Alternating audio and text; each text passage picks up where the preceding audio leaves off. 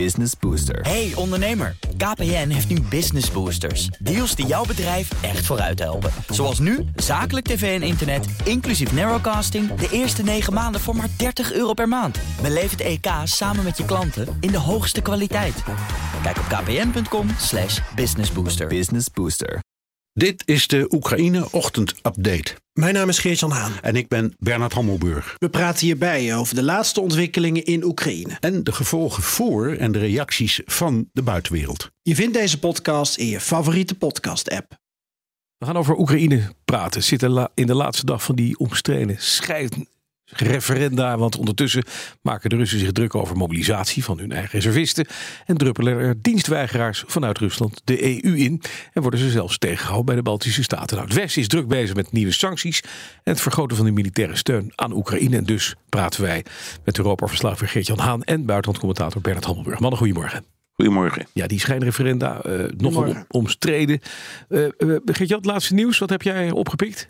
Nou, die stembussen zijn open van die referenda die vandaag voor het laatst worden georganiseerd. Gisteren werd al bekend dat de opkomst uh, in de vier regio's in Oekraïne die Rusland bezet, dat die opkomst naar wens was volgens uh, de Russen. En dat betekent, ik moet zeggen trouwens, volgens de Russische stroommannen die die regio's bezet houden. En dat betekent dat uh, ja, als die opkomst boven de 50% is, dat um, deze regio's, die stroommannen van die regio's, dat die die referenda erkennen en dat er dan dus om aansluiting bij Rusland kan worden gevraagd. En daar wordt al volop op voorgesorteerd. Uh, zo zag ik dat uh, het gerucht gaat in uh, de zakenkrant Veerdemansti, dat is op zich een zeer serieuze krant, dat Dimitri Rogozin, die kennen we van de Russische ruimtevaart, die is een paar maanden geleden op een zijspoor gezet, dat zou de nieuwe presidentiële gezant worden van deze vier regio's, mm -hmm. als ze inderdaad na vandaag kiezen tot aansluiting ja. bij Rusland. Ja, als ze, maar is dat nog een optie? Is er een kans dat ze, dat, dat ze nee zeggen? Dat is toch ons, omdat het wordt er gewoon ja. Die kans is uh, heel klein, uh, Bas. Alleen ik moet het natuurlijk formeel houden. En ik moet natuurlijk ook ja. aangeven dat er Russische stroommannen zijn geïnstalleerd. Dat uh, Poetin in zijn toespraak ook heeft aangegeven dat die gebieden welkom zijn. Hij loopt ook op de zaken vooruit door ja. te zeggen dat ze wel zullen aansluiten. Maar het is natuurlijk, hoe onwettig die procedure ook is, het is een procedure. Mm -hmm. Oekraïne gaat wel door met het bevrijden van land momenteel. En dat is gewoon hun eigen land. Ja, precies. Dat nog wel is dat een eigen land. Bernard, daar zit precies de pijn ook. Want dat is wel iets waar veel uh, uh, mensen die ik spreek, staatsrechtgeleerden en dergelijke, over hebben. Die zeggen, ja, wacht eventjes, dit is dan straks uh, een weliswaar door Rusland geannexeerd grondgebied. Maar de Russen kunnen zeggen, dit is, dit is een, een, een, een juridische procedure die we gevolgd hebben, staatsrechtelijk in orde. Ook al kan je zeggen dat het schijnreferenda zijn. We hebben mensen laten uitspreken. Die sluit ons aan. Dit is Russisch grondgebied en dat val je nu aan. Ja, zijn wel internationale waarnemers uit allerlei zeer geloofwaardige landen, ja. zoals Belarus, Syrië, Togo, Uruguay, Precies. Venezuela. Dus Echte kijk, kijk, kijk, eens aan, ja, ja. ja kwaliteit gegarandeerd. Um, uh, ja, het is ingewikkeld. Ik denk dat naar internationaal recht je gewoon zou moeten spreken over bezette gebieden. Ja. Uh, en het, er is geen andere optie, dus ze kunnen zelf zeggen: het is van ons, het is keurig ingelijfd volgens een, een, een electorale procedure. Ja, uh, procedure. Maar het is uh, naar internationaal recht, ja, het is eigenlijk appeltje eitje hoor. Heel ja. simpel. Mm -hmm. Geert-Jan, hoe staat het ervoor met die mobilisatie? Want we horen daar allerlei verhalen over uh, vanuit uh, ook op alle internationale media. Die zeggen dat Rusland nu toegeeft dat er fouten zijn gemaakt tijdens die mobilisatie. Hoe gaat het, hoe gaat het daar? Ja. Nou, de persoonlijke verhalen die ik hoor, die zijn ja, zowel schrijnend als ook positief. Ik krijg net weer een bericht binnen van twee, twee jongens die zijn gisteren, nee, zondag, het is vandaag dinsdag, hè, die zijn zondagochtend vanaf de Krim vertrokken. Ja. Die zijn vanuit Simferopol dus vertrokken. Via de Krimbrug zijn ze naar Rusland gegaan, uh, Rostov. En dan om Oekraïne heen gereisd. En uiteindelijk zijn ze in Berlijn gekomen en uh, in Nederland beland. En die hebben dus uh, ja, douaniers weten om te kopen. die hebben het dus weten te redden tot in Nederland. En, of nou, ze zitten nu in Polen, maar in ieder geval buiten Rusland. En dit soort verhalen hoor je de hele tijd. Hm. Um, naar verluid, maar die cijfers kunnen we natuurlijk niet verifiëren. Zou het inmiddels al gaan om een kleine 300 100.000 Russen die eh, ja, op de vlucht is geslagen. Dat, dat komt trouwens redelijk overeen met het aantal dat ze eigenlijk wilden mobiliseren. Ja, en dit soort verhalen, weet je, waarbij ook uh, die hand in hand gaan met corruptie. Dus uh, willen mensen de grens over, dan moeten ze de douanier bijvoorbeeld hm. omkopen. dat geldt ook voor soldaten. nou, stel dat je toch het leger in moet. Um, en je raakt gewond, dan heb je eigenlijk recht op een toelage als je in zo'n militair ziekenhuis belandt.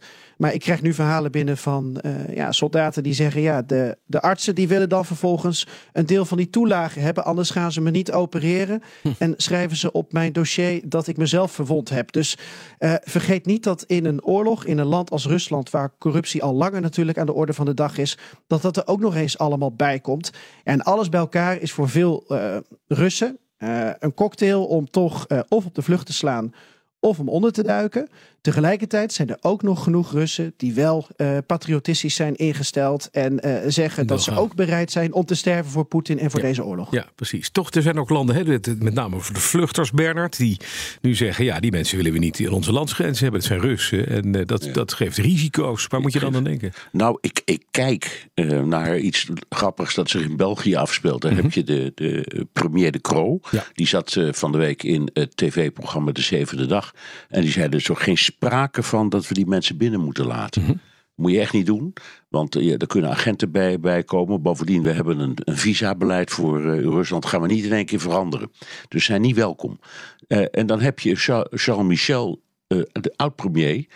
die zei tegen Politico, we hebben een morele plicht om mensen die een, in, in, een instrument van het Kremlin dreigen te worden met open armen te ontvangen. En dit kleine dingetje in, bij onze zuiderbuur, zal ik maar zeggen, geeft precies het dilemma aan waar denk ik de hele EU mee worstelt.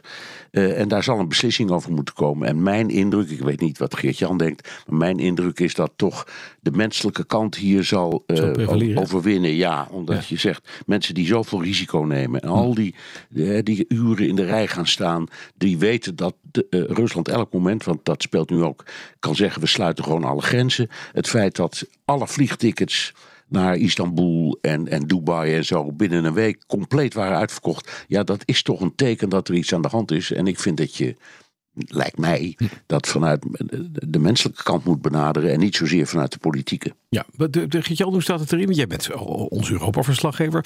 Denk je dat er een Europees breed standpunt komt uh, uh, wat inderdaad zoiets gaat zeggen? Dat humanitair laat prevaleren boven, het, boven het, het andere, het juridische? Ik denk dat op dit moment een unaniem Europees standpunt wat dit betreft uh, niet mogelijk is. Uh, kijk naar de Baltische Staten, Polen en Finland met name, die zich uh, verzetten tegen de komst van al die Russische mannen. Waarbij ik wel moet opmerken, want de, de, de Baltische landen met name, die stellen zich heel hard op. Maar die hebben wel volgens mij aangegeven, in ieder geval Estland heb ik gezien, dat uh, Russen die daadwerkelijk gemobiliseerd zijn en zo'n zo'n zo'n order thuis hebben gekregen, dat die wel welkom zijn. Uh, maar ze zitten niet te wachten op een enorme disruptie van hun eigen samenleving. Ze zeggen dat uh, die Russen maar in eigen land moeten blijven om te vechten tegen Poetin. Net zoals de Oekraïners nu tegen Poetin vechten. Ja, dat zijn hele lastige dingen om vind ik vanuit Nederland over te oordelen. Omdat die landen dat ook met een, een gevoel doen, een, een historie van onderdrukking, die wij natuurlijk niet kennen. En het zijn ook hele kleine landen die al heel veel en Oekraïners en Wit-Russen hebben opgevangen. En die natuurlijk ook een soort van stabiliteit in eigen land willen houden. En vergeet niet, jongens. De inlichtingen en veiligheidsdiensten die gaan overuren draaien. Want we hebben nogal wat affaires met Russische mannen de afgelopen jaren in de Unie gehad. Business Booster. Hey ondernemer, KPN heeft nu Business Boosters. Deals die jouw bedrijf echt vooruit helpen. Zoals nu, zakelijk tv en internet, inclusief narrowcasting... de eerste 9 maanden voor maar 30 euro per maand. Beleef het EK samen met je klanten in de hoogste kwaliteit. Kijk op kpn.com slash businessbooster. Business Booster.